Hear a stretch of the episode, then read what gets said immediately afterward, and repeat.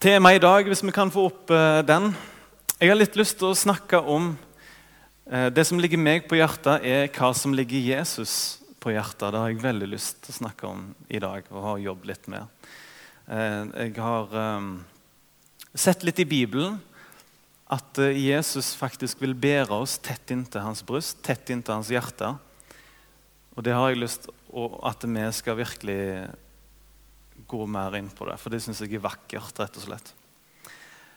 Vi kan få neste slide. Og For å forklare dette her, så har jeg tenkt å bruke en ypperste prest. Men nå vil jeg bare ta en sånn ABC uh, i Israels historie. Jeg skal gjøre det ganske kjapt hvis dere er med på den. Israel, Landet Israel og folket Israel fungerer egentlig som en uh, gigantisk flyplass for Jesus. Det var ikke sånn at eh, når, når, når Gud og Jesus og Den hellige ånd når, når de skulle frelse menneskene det er ikke sånn at de bare plutselig en dag, helt uforberedt på menneskene, kunne komme der. Veien måtte forberedes, det måtte klarlegges for at Jesus skulle komme til oss og bli menneske. Så veien var lang, og det begynte med um, at Abraham fikk et løfte at gjennom deg så skal jeg gjøre deg til et stort folk, sa Gud, og gjennom deg skal velsignelsen nå ut til alle verdens kroker. Og Den velsignelsen var at Jesus Kristus skulle komme gjennom Abraham, komme gjennom jødefolket. Videre så kom Abraham. Han fikk eh, eh, sønnen eh, Isak, og Isak fikk sønnen Jakob. Og Jakob fikk tolv sønner, og en av de heter Josef. og Han ble av en lang historie kort han ble til slutt statsminister i Egypt, og så ble det hungersnød i hele verden. Og alle folk fra jødene, det var 72 mennesker av eh, slekta til Jakob, de måtte inn til Egypt. De var der i 400 år. Og så ble det plutselig slaveri og alt mulig eh, imot eh, jødefolket eller israelsfolket. Så de måtte bli utfridd fra slaveriet av Moses. Dette minner meg om et eller annet sånt eh, program der en prøver å si Bibelen på, på ti minutter. Det er ikke det jeg holder på med, men eh, det er greit å ha en liten innledning. Det går videre til at eh, Moses overlater lederskapet når de er ute i ørkenen etter 40 år fra Egypt og inn til det lovende land som heter Israel. Så er det Josfa som overtar lederskapet. Og så går det noen hundre år der de får bygd opp et tempel. de får... Eh, David han har et virkelig inderlig ønske kong David å bygge opp et, eh, et tempel, og sønnen får gjøre det til Salomo. Og så har de fått masse instrukser nå som forteller at det skal være en ypperste prest som er i dette tempelet og tjener som en mellommann mellom Gud og menneske. Klart alle den nøtteskallfortellingen der. Om, eh, nå har vi landa akkurat der. Alt dette her fungerer som en, eh, en flyplass for Gud, for Jesus, det som jeg fortalte nå. Så nå skjønner du kanskje litt mer Israel, hvorfor det fins, hvorfor Gud måtte gjøre det på den måten. der. Jeg skal snakke litt om han ypperste presten, for det er så mange bilder i Gamle testamentet. Les i Gamle testamentet, for det er ufattelig mye å finne der som er profeti på Jesus. Og det er trosstyrkende å lese alle de detaljene som fins. Vi skal se neste slide. For han ypperste presten, hvis vi tar tilbake forresten, så bare se litt på han. Han ypperste presten, hans hovedoppgave, det var én dag i året. Noe som heter Yom Kippur. Har dere hørt om Yom Kippur? Det er i alle fall jødenes høytidsfest. Den dagen så skulle ypperstepresten bære fram et offer av en okse for seg sjøl, for sitt hus, for sine synder. Og så skulle han ta to bukker den ene bukken, og det var for folket, den ene bukken skulle han legge hånda si på og uttale alle Israels synder over den bukken. Og den bukken der skulle bli så sendt ut i ørkenen for å ta Israels synder vekk ut ifra folket. Og Det ble da kalt det vi har i dag, begrepet syndebukken. hvis du har hørt om Det Det stammer ifra der. Og Det er òg et bilde på Jesus som ble ført ut forbi Jerusalems murer han ble korsfesta forbi og tok syndene ut med seg, på seg. Den andre bukken den ble, også, den ble slakta. Og det blod der, og blod fra oksen, ble ført inn i tempelet. Og der ble det stenka på en sånn paktkiste som de ti bud lå oppi. Og det offeret der var blitt på en måte et, eh, et offer for hele Israel. Ok, dere, Nå skjønner dere yppersteprestens hovedoppgave, Jom Kipurs forsoningsdagen. Hele dette greiene her, Alt det som skjedde i Israel med disse ofringene, det ypperstepresten gjorde, er kun et bilde på det jeg nå skal lese. Jesus, vår egentlige ypperste prest. Hebreerbrevet 9, 12-14 sier nemlig dette. Ikke med, sitt, ikke med blod av bukker og kalver, men med sitt eget blod gikk han inn i helligdommen en gang for alle og kjøpte oss fri for evig. Blodet av bukker og okser og asken av en kvige gjør hellig og ren i det ytre når det blir stenket på dem som er blitt urene. Men hvor mye mer skal ikke da Kristi blod rense samvittighet vår, vår fra døde gjerninger, så vi kan tjene den levende Gud? For Kristus har i kraft av en evig ånd båret seg selv fram som et feilfritt offer for Gud. Det er noen punkter her som er ulike, som jeg bare har lyst til å framheve. Ulikt ypperstepresten var Jesus syndfri. Så han slapp å bære fram et, en okse som jeg fortalte om, for sine egne synder. Han var syndfri. Og han trengte, og heller ikke det som var med dere leste her, og så okser og bukker de kan ikke rense fullkomment ifra synd. Hadde de klart det, så hadde ikke Jesus trengt å komme. Men Jesus måtte komme fordi alle disse ritualene her var bare et bilde, en skygge på hva som egentlig skulle komme. Sånn at menneskene kunne lære å forstå at vi er ufullkomne. Vi trenger noe som kan ofre seg for de syndene vi har gjort. Og alt pekte fram til offeret Jesus Kristus. Og Jesu blod det er den sterkeste makten i universet. Det mest frigjørende som fins. Vi skal se neste bilde. Kraften i Jesu blod. Kolosserne 1, 13-14. For han har fridd oss ut av mørkets makt og ført oss over i sin elskede sønns rike. I ham er vi kjøpt fri og har fått tilgivelse for syndene. Tenk på det. At du skulle bli satt fri ifra mørket. Det eneste middelet som klarte å gjøre det, er Jesu blod. Det syns jeg er utrolig flott å lese. og han er, Jesus er her nå i kveld. Han har blodet og kan rense deg for dine synder. Bryte Satans lenker. Og Jeg har sjøl opplevd og bedt ei bønn en gang når jeg var 18 år gammel og var dypt inne i synder og inne i mørket og det ene og det andre. Og jeg ba Gud knuse Satans lenker. Og Jesus kom med sitt blod, rensa meg og satte meg fri. Og det er tilgjengelig for alle vi som er her inne.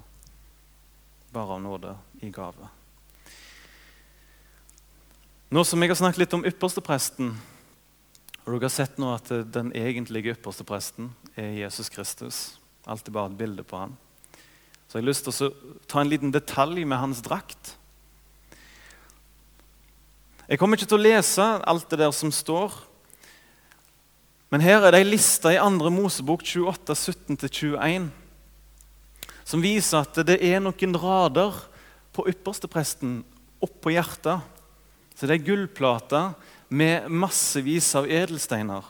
Rubin, topas, maragd og turkis og safir og diamant, opal, agat, ametyst, krysiolitt, karneol og jade. Alt dette her, og det var bilder. Hver en stein representerte ei stemme i Israel. Så egentlig alle de steinene representerte fullkomment alle menneskene i, i israelsfolket. Og de bar ypperstepresten og skulle minne på alle disse hver dag. Men så tenker du, er det plass til meg på denne duken her? Jesus har en sånn. Er det plass til meg? Ja, fordi når Jesus kom, så ble denne brystduken her utvida til å gjelde alle folkeslag. Jeg skal lese et vers i Jesaja 49, 49,6. Det er ikke nok at du, min tjener, det er Gud som sier, skal reise opp igjen Jakobs stammer og fører de bevarte av Israel tilbake. Her kommer det. Jeg gjør deg til et lys for folkeslag, så min frelse kan nå til jordens ende. Så idet Jesus kommer, så gjelder ikke bare velsignelsen for Israels folke lenger, men det blir utvidet til å gjelde oss som er her, norsk, norsk, det norske folkeslaget. Så det er plass til meg og deg hos Jesus på hans brystduk. Og du en juvel for han som han har lyst til å plukke og smykke seg med. Jeg skal ta neste bilde. Jesus bærer sine på sitt hjerte. Så står det videre der Når Aron, et bilde på Jesus, den første ypperste presten, går inn i helligdommen, skal han ved sitt hjerte bære Israels sønnes navn på brystduken for domsavgjørelser. Her kommer det. Således skal han stadig minne dem for Herrens åsyn. Jesus ofra seg for hvert enkelt menneske, hver eneste edelstein som du er. Og Nå skal jeg komme med et teit bilde. Dere leste her at var, en av steinene var en agat. Og når jeg var fire-fem år, kanskje, jeg vet ikke, så var det en eh, eldre kamerat av meg. Han var fire år eldre. Så sa han til meg, og da var det vinter hjemme i Ølensvåg, der det er bratte bakker nedover. Og så sa han til meg hvis du våger å ta aka fra den toppen der og helt ned der til, så skal du få en agat av meg, en, en dyr stein. Og jeg var bare sånn oh, dyr stein. Men det, det, løpet der var jo en sånn kamikaze-renn, egentlig. Det var rett ned. Men jeg hadde lyst på den steinen der, og jeg ofra meg. Jeg husker det at jeg ble helt, jeg, jeg føyk på dette akebrettet. Jeg ble blaut, jeg fikk snø overalt i fjeset, inni overalt. Men dagen etterpå så kom han med en agat til meg. Den har jeg hatt nå i 25 eh, år. Det er et, et teit bilde. Men vet du hva? Jesus han så på meg og deg som perler. Og så fikk han Så var det kun ett valg. Hvis du vil vinne disse menneskene her, så må du ofre deg. Og Jesus villig ofra seg på korset for å vinne meg og deg som sine. Og Da vil han rett og slett putte oss på sitt hjerte og ha oss som sine edelsteiner nært hjertet. Det syns jeg er et vakkert bilde. Tenk litt på det nå. Men det er én ting som er med Jesus som ypperste prest. Se for deg det bildet at han er kledd i en fin drakt. Han har mange diamanter på seg og edelsteiner.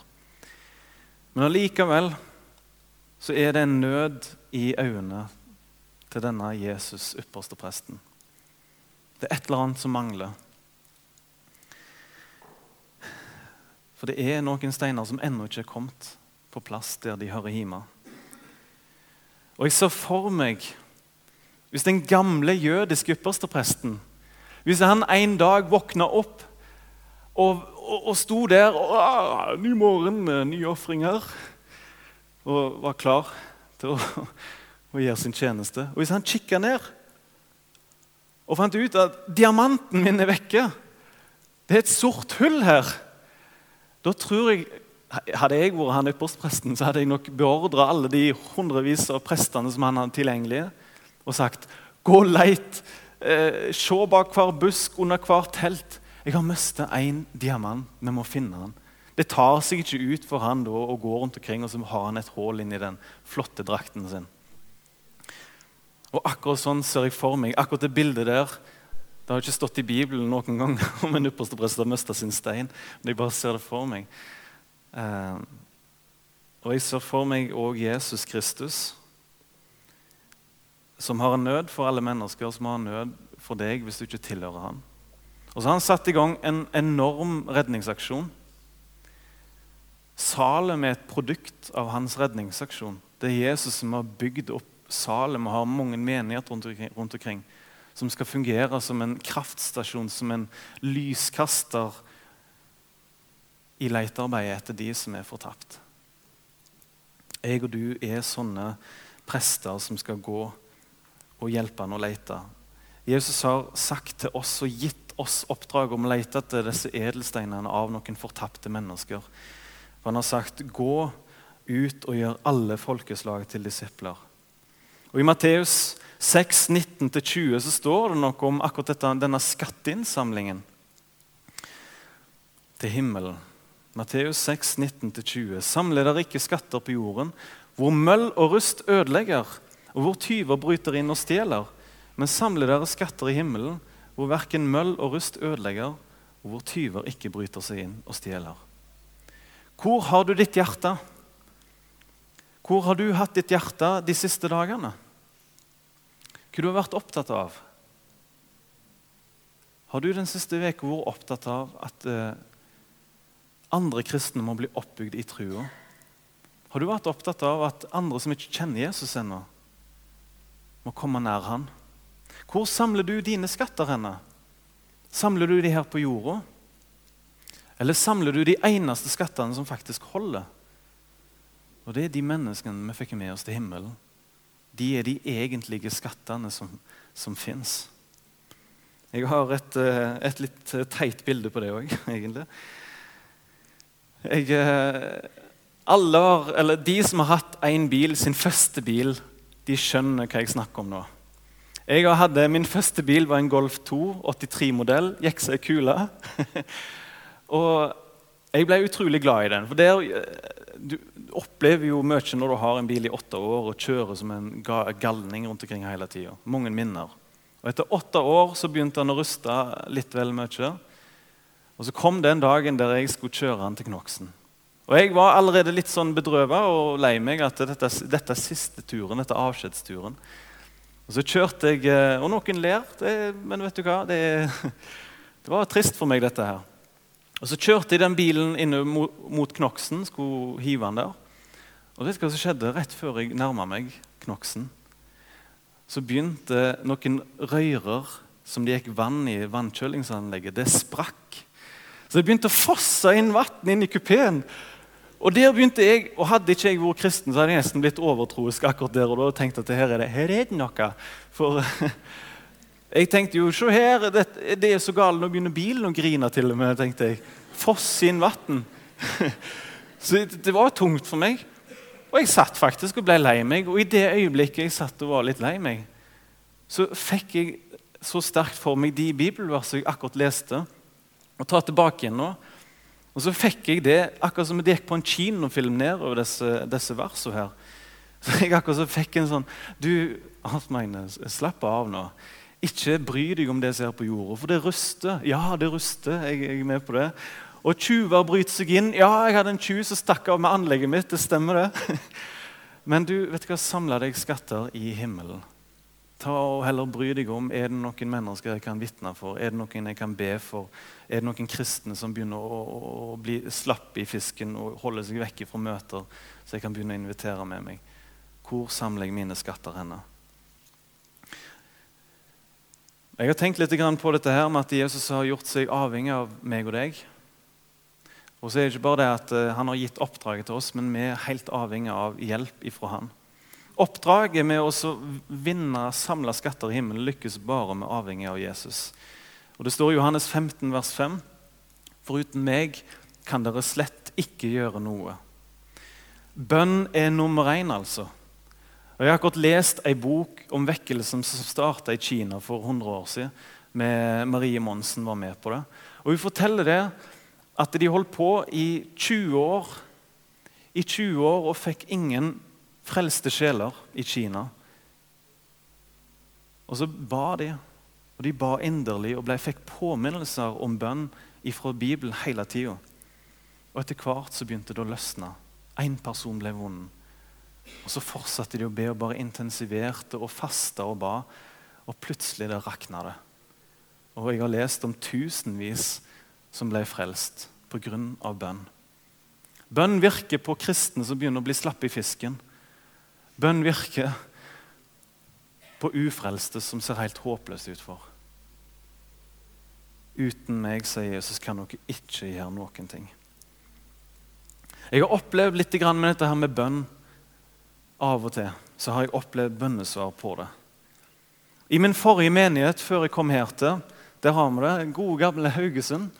Er det noen som er fra Haugesund, forresten? Det var dårlig. Jo, der har vi, en. Gratulerer. Det var du den eneste.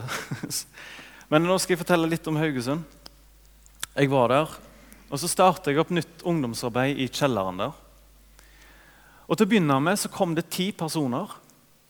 Og Vi holdt på med det, og jeg vet du var der. Du var med på de møtene av og til. Så til å begynne med så kom det 10-15 personer i et halvt år. Det kom aldri mer enn det, uansett hvor mye vi reklamerte og gikk ut og maste og kjaste og ringte rundt.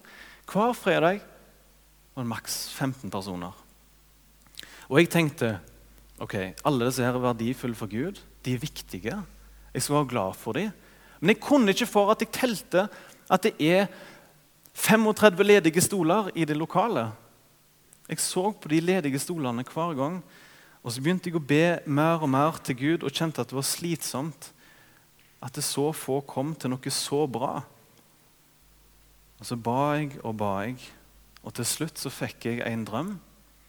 Der jeg satt, drømte at jeg satt midt i møtet. Og så telte jeg 1, 2, 3, opp til 23 personer i den drømmen. Og så våkna jeg, og så fikk jeg en sånn Nei, søren òg!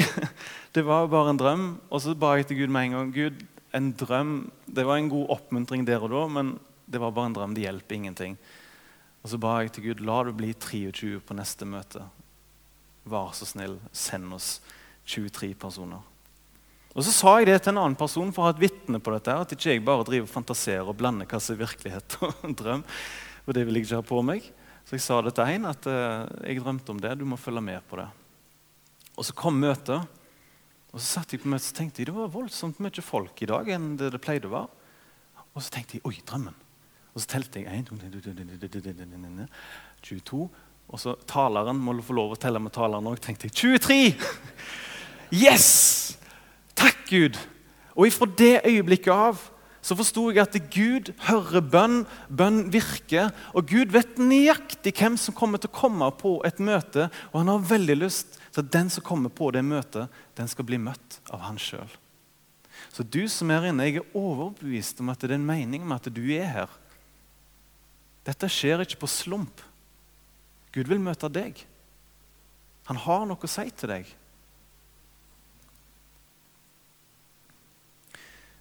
Og så etterpå så ba jeg en annen bønn til Gud. At ok, vi fikk 23 personer.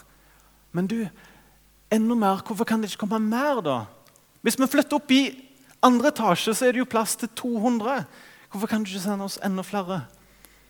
Og så begynte jeg nesten å anklage Gud for at han gjorde så lite. Har du vært der at du har kjent på en bitterhet og at du får det ikke sånn som du vil ha det? du står på og syns du får så lite igjen. Og så, i min lille anklagende bønn, så møtte Gud meg med et bibelvers. Og det svaret der glemmer jeg aldri. Kan få opp neste. Dette her ble sterkt i mitt hjerte. Matteus 23, 37. Hvor ofte vil jeg ikke samle dine barn? som en høne samler kyllingene under vingene sine. Men dere ville ikke. Og Fra det øyeblikket av når jeg fikk det bibelverset, så forsto jeg at den, jeg ble, jeg ble eh, flau og skamma meg over at jeg hadde helt tatt mistillit til at Gud ikke kunne gjøre så mye, og Gud var ikke interessert. Og Så begynte jeg å kjenne på en økt nød i mitt eget hjerte. Og så forsto jeg at all den nøden jeg har, den stammer fra Jesus. Og hvis jeg tror jeg har nød, så har Jesus den gangen 10 000. Og han er opphav for all nød for ufrelste mennesker og kristne som holder seg borte fra møter. Jeg er sikker på det, og i mitt syn, i mitt bilde, når jeg så Jesus stå der og kikket ut og ville samle sine barn, så så jeg for meg at den sorgen han har over at så mange er kalt. Så mange har hørt budskapet, men så er det så få som takker ja og komme. Dere ville ikke.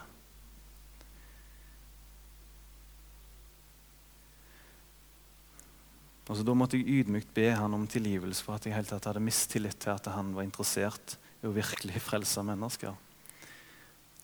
Og Problemet med Jesus det er aldri den ufrelste folkemengden. Problemet er først og fremst at veldig få ønsker å arbeide for ham. Veldig få ønsker å være lydige og jobbe for at nye skal høre evangeliet forkynt. Jesus trenger menighetsarbeidere, noen som kan tjene, administrere, inkludere nye, være med på bønnemøter. Jesus ønsker ikke at noen skal føle seg ensomme på en sånn plass som det her. Han vil vi skal bry oss om hverandre og bygge opp en sterk menighet som fungerer som en kraftstasjon. Er du med å tjene i en menighet og får ting at det virkelig ting blir bra, at her går det så det suser, da får vi mer krefter faktisk til å gå ut. Og ikke være så bekymra for om vi får nok folk til ditt og datt. Min bønn for Salem er at vår største bekymring er de ufrelste. Ikke om vi har nok folk til tjeneste. Men problemet er arbeiderne. Og jeg vet det at veldig mange kjenner seg for små og for ubetydelige til å være med i tjeneste. Mange kjenner seg som et Guds barn og vet at det er av nåde, og det skal jeg få lov å være. Men når det kommer til å tjene og bidra, så går det totalt i vranglåsen. Da er det som om det er kommet sand i motoren. Det stopper opp. Nå skal jeg si dere én ting. Du kommer alltid til å kjenne på en følelse av at det, Hva er jeg for noe? Hva kan jeg bidra med? Jeg har hatt en tjeneste nå i åtte år og gjort mye av det samme i åtte-ni år. Og Jeg får aldri en sånn strålende følelse. Den har jeg bare glemt å få. Men jeg tenker Gud har gitt meg noe. Og det handler om å være lydige og ikke være så redd. Og ikke frykte. Og heller begynne å gå med det du har fått.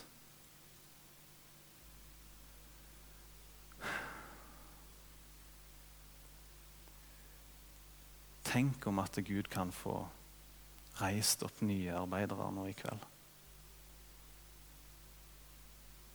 Tenk om du kan gjøre sånn med dine hender og si at 'jeg føler meg tom'. Og det er bra, det. For da kan Gud fylle det tomme med det som er ifra Han. Så la Gud fylle deg. Og jeg utfordrer deg til å prøve det nå. Legg fram din følelse av tomhet og utilstrekkelighet og si 'Her er jeg'. Bruk meg som jeg er. Bruk meg med det du har gitt. Og la meg få arbeide for å finne edelstener som skal plasseres på din brystduk. Samle skatter i himmelen. Så to spørsmål til deg nå i kveld. Neste bilde. Hva vil du? Vil du gå herifra som om ingenting har skjedd? Vil du gå herifra uberørt? Eller vil du ta til deg at Jesus vil plukke deg opp og plassere seg deg på ditt hjerte? Og til deg som er kristen, vil du forplikte deg og stå som en Guds soldat med det som han gir deg, og gå med det? Vil du forplikte deg? Et ord som ingen vet du hva, Det er helt rart når vi skal få folk til å gjøre noe, spørre noe på sikt, så må veldig mange se om det er noe som er kjekkere. Og så står det Hva er det Bibelen sier om, om hvordan vi skal fungere i forhold til verden og i forhold til Gud? Jeg skal lese nå til slutt det siste bibelverset. 2. Timoteus, vers 2, nei, kapittel 2 og vers 3 og 4. Derfor må du også lide ondt som en god Jesu Kristi stridsmann. Jeg vil bare si det allerede nå, at det kommer til å bli masse smerte og kamp du, hvis du velger å følge Jesus helhjertet. Det kommer til å bli motstand, men Gud er med deg. Og så kommer dette her videre. Dette som med prioriteringer gjør. Når du nå skal velge hva du vil bruke livet ditt på, så hør hva Gud sier om det kristne livet. Paulus har notert med inspirasjon fra Gud ingen som fører krig, blander seg inn i de oppgavene som hører dette livet til, slik at han alltid kan gjøre hærføreren til lags. Hvem er den viktigste personen i ditt liv? Er det deg sjøl, eller er det Jesus Kristus? Den som vil være kristen, må fornekte seg sjøl ta opp sitt kors og følge ham. Hvis menighetene ikke gjør det, så skjer det ingenting. Da er det den samme flokken. Da er det samme opplegget hver gang. Og så er det så fantastisk å få lov å samle skatter i himmelen. Å få se i øynene på mennesker når de blir satt fri. Få kjenne og se på den gleden de har fått når mørket og frykten blir blåst ut ifra dem, og Jesus plasserer inn sitt lys i dem. Det overgår lønninger. Det overgår en herlig hytteferie. Det overgår å sitte hjemme på PC-en eller se på TV. Alt! Å få lov å være med i Guds rike og tjene. alt. Og Den dagen du kommer til himmelen, så vil du angre på all den tidsfordriven som ikke var nyttig. Og du vil se hva som egentlig betydde noe. Du kan begynne nå, hvis du ikke har begynt ennå, med å følge Jesus helhjertet. Og da forventer jeg å se neste lørdag så har det skjedd noe.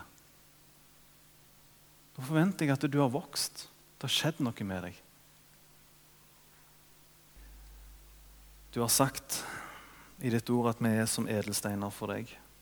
Vi er dyrebare i dine øyne.